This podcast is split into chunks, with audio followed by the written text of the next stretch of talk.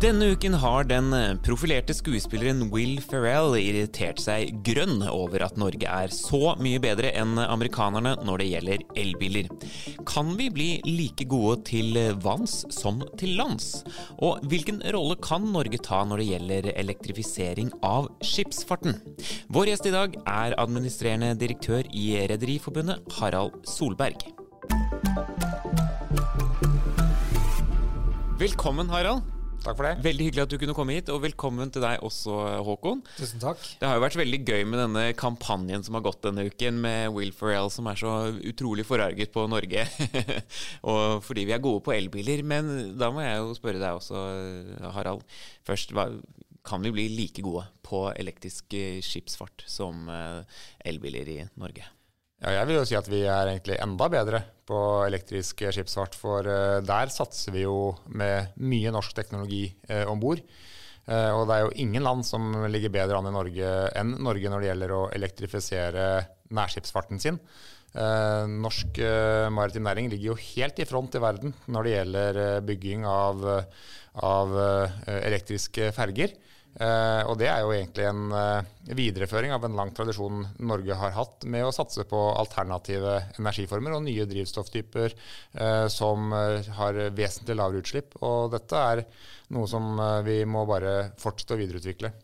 Så egentlig bør Will Ferrell bli litt sinna på den norske skipsfarten også, da, hvis vi skal være helt rettferdige? det bør absolutt. Og, men det som er en viktig jobb for oss, det er jo å få eksportert denne kompetansen og teknologien. Og der har vi ikke vært så flinke. Så vi har mye å gjøre for å få frem at Norge faktisk har teknologi og løsninger å by på, som resten av verden trenger. Vi kan være enda litt mer spesifikk. Hvor, hvor langt er vi kommet på elektrifisering? Eh, på eh, den eh, skipsfarten som seiler ganske kort, og som seiler i fast rute, så er det jo egentlig ingen teknologiske hinder igjen for å dekarbonisere den skipsfarten fullstendig. Så, og det er jo egentlig det norske fergeflåten og fergerederiene som skal ha æren av det, pluss at de politiske rammevilkårene også har ligget til rette for å stille krav om nullutslipp til alle nye fergeanbud. Så det som gjenstår nå, det er, det er, egentlig eh, at de kontraktene som er på eksisterende eh, samband eh, utgår, at man skal bestille nye ferger. Da vil det være nullutslippskrav også der. Eh, og dermed så handler det egentlig bare om tid før vi har dekarbonisert hele den norske eh, fergeflåten. Og nå har jo regjeringen også kommet med en konklusjon om å eh, bestille hydrogenskip på Vestfjorden eh, mellom Bodø og, og, Lofoten, som var, er jo en av de lengste og mest kompliserte fergestrekningene i Norge å eh, seile utslippsfritt. Uh, og, Dermed så ligger Norge helt i front når det gjelder uh, den innenriksflåten vår på fergesiden. Men vi har mye igjen på å gjøre på de skipene som seiler lenger. For med en gang man går ut av et fast rutemønster, med en gang man skal seile lenger enn eh, mellom to eh, fjordarmer i Norge, så er det mye mer komplisert. Da trenger man mye mer energi. Eh, og vi tror nok ikke at elløsninger er løsningen for de skipene som skal seile langt og uten fast rute. Da må vi ha andre energibærere. Hvorfor ikke? Er det ladeinfrastruktur det handler om, eller? Ja, Det handler mest om eh, størrelsen på batteripakka som man må ha om bord hvis man skal seile langt. Litt eh, forenklet sagt så kan man jo si at et stort bulkskip på 80 000 dødvekttonn, de må ha med seg 80 000 tonn batterier. Og det vil jo være et like stort skip som ja. altså seiler bak med batteripakka. Så dette funker ikke når man skal seile over lange distanser. Da må man ha andre løsninger. Men eh, jobber, det jobbes jo nå, og det er vi veldig stolte av. Det jobbes eh, veldig aktivt i hele den maritime klyngen med andre alternative energibærere. og Da ser vi på hydrogen, eh, ammoniakk, biobrensel, eh, mange andre muligheter som kan bidra til at skipsfarten kan redusere utslippene sine vesentlig.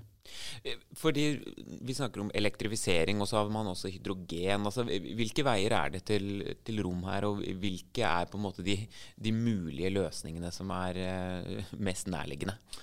Veldig mange tror jo veldig på hydrogen, i hvert fall for uh, skip som ikke skal seile altfor langt. Men de, desto lenger man seiler, desto større energitetthet må jo energibæreren ha. Uh, fordi det kreves mye kraft for å flytte uh, et skip over lang distanse.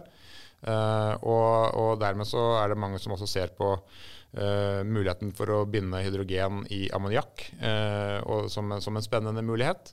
Eh, og også eh, biobrensel. Men man ser også på det man kan kalle syntetiske drivstoffer, altså kunstig fremstilte drivstoffer med en viskositet som ligner på olje, som eventuelt kan brukes i eh, forbrenningsmotorer eh, som eksisterer i dag, slik at man får en lavere kostnad på retrofit.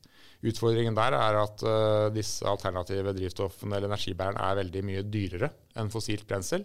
Uh, og dermed så trenger man uh, bedre finansieringsløsninger for at løsningen skal kunne bli kommersielt mulig å benytte seg av.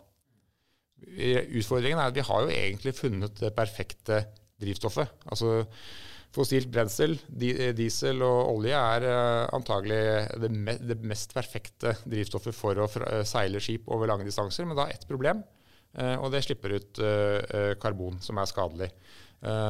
og Derfor så må vi finne andre løsninger, men når man har én, ett produkt som hele verdensflåten er bygget opp rundt, all infrastruktur er bygget rundt, og seile med fossilt brensel, så er det veldig høye kostnader ved å endre selve drivstoffgrunnlaget, uh, eller energibæreren.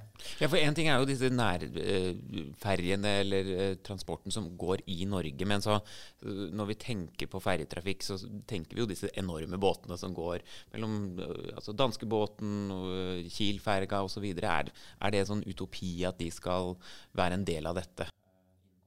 Nei, det er ingen utopi, og det jobbes jo veldig aktivt på det området.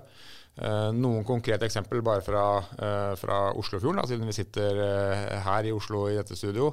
så er jo Color Line aktivt med i et forsøksprosjekt for å satse på ammoniakk, hvor man kan teste ut løsninger for å bruke ammoniakk som en del av drivstoffblandingen. Altså putte ammoniakk om bord på eksisterende Kiel-ferjer. Eh, og dermed få ned eh, utslippene. Eh, samme rederi har jo også bygget passasjerskip med verdens største batteripakke om bord, og som reduserer utslippene i dag mellom Sandefjord og Strømstad. Hadde ikke vært for korona, for nå ligger skipet i opplag. Men, men hadde det seilt, så hadde det redusert utslippene mellom Sandefjord og Strømstad med 20% Og hvis det samme skipet hadde hatt tilgang til lading i Strømstad, så hadde utslippene vært redusert med 40 med dagens teknologi. Vi ser også andre passasjerskipsrederier, Hurtigruten og, og, andre, satser, uh, Fjordline satser på LNG, batteripakker, kombinasjoner av løsninger som bidrar til vesentlig lavere utslipp. Så dette er virkelig i ferd med å flytte seg over på de skipene som også seiler lenger. Og det er jo der vi mener Norge og Innovasjon Norge uh, og den maritime klyngen uh, har en veldig viktig rolle å spille. For vi kan bruke den langstrakte kysten vår som et laboratorium teste ut teknologier som vi kan lære av på de kortere distansene, og flytte over på de skipene som seiler lenger. Da går vi elegant over til deg, Håkon. Det er en kjempespennende utvikling, dette, som vi også følger nøye med på. Men hvordan jobber vi egentlig aktivt for at den utviklingen skal både gå raskere og bli en suksess? Ja, vår rolle er vi har mange roller. Vi gjør mer enn å følge med. Vi er jo aktive bidragsytere og samarbeider med andre aktører. Jeg kan si Vår rolle er kanskje tredelt. Det ene er å bidra i teknologiutviklingen eh, med lån og tilskudd til bedrifter som tar risiko, og dette her er det betydelig risiko. Det andre er å sørge for at løsningene tas i bruk. Og det tredje er å ta dem ut i verden, gjøre dem tilgjengelige for um, andre land gjennom vårt uteapparat. Og jeg er veldig enig med Harald. Da. Jeg tror det er på det siste området har vi kommet kort. Og så minne oss selv om hvor fort dette har gått i Norge. Altså Den første elfergen, da, det Ampere som det het, som kom i drift i Sognefjorden i 2015.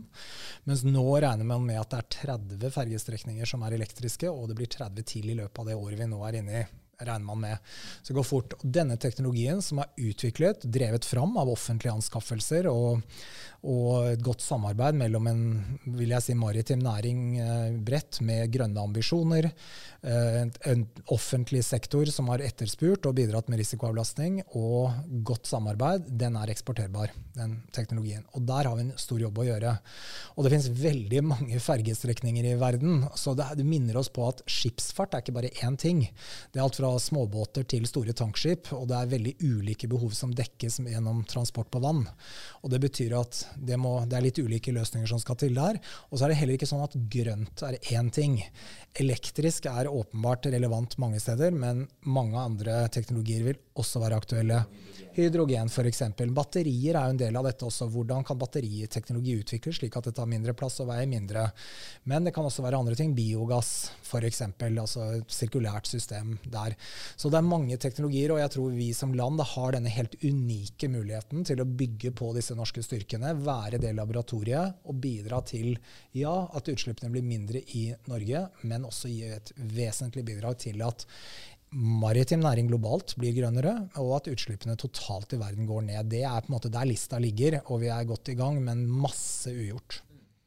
Kan jeg bare gi to eh, konkrete eksempler til på at det skjer mye spennende. Rederiet Eidesvik, eh, som holder til på Bømlo, jobber sammen med eh, Equinor og Yara og flere andre med å retrofitte, altså bygge om et eksisterende plattform supply-skip eh, til å eh, seile med grønn ammoniakk eh, og brenselcelle. Eh, og rederiet Oddfjell, som er et av verdens største kjemikalietankskiprederier, eh, tester nå ut en eh, multifuel, altså brenselcelle. Altså en, en brenselcelle som kan seile på ulike typer drivstoff. Så det skjer utrolig mye spennende her som vi vil få mye erfaring med Eh, og som også vil kunne være eksportvare fra den maritime klyngen i Norge. Hvilke ringvirkninger kan du stille det spørsmålet til deg, kanskje, Håkon? Hvilke ringvirkninger vil dette gi for, for norsk næringsliv? For Én ting er jo at transportsektoren eh, blir grønnere. Hva, hva tenker du om det? veldig mange ringvirkninger. Altså Vi kan se for oss at vi får en leverandørindustri rundt grønn, eh, grønne maritime løsninger, men også landtransportløsninger, som i seg selv er en eksportnæring. Det vil skape arbeidsplasser, og det vil gi regional utvikling. Så det er noen av ringvirkningene. I tillegg er det veldig mange sånn kryss altså overføringseffekter her da, mellom ulike typer teknologier.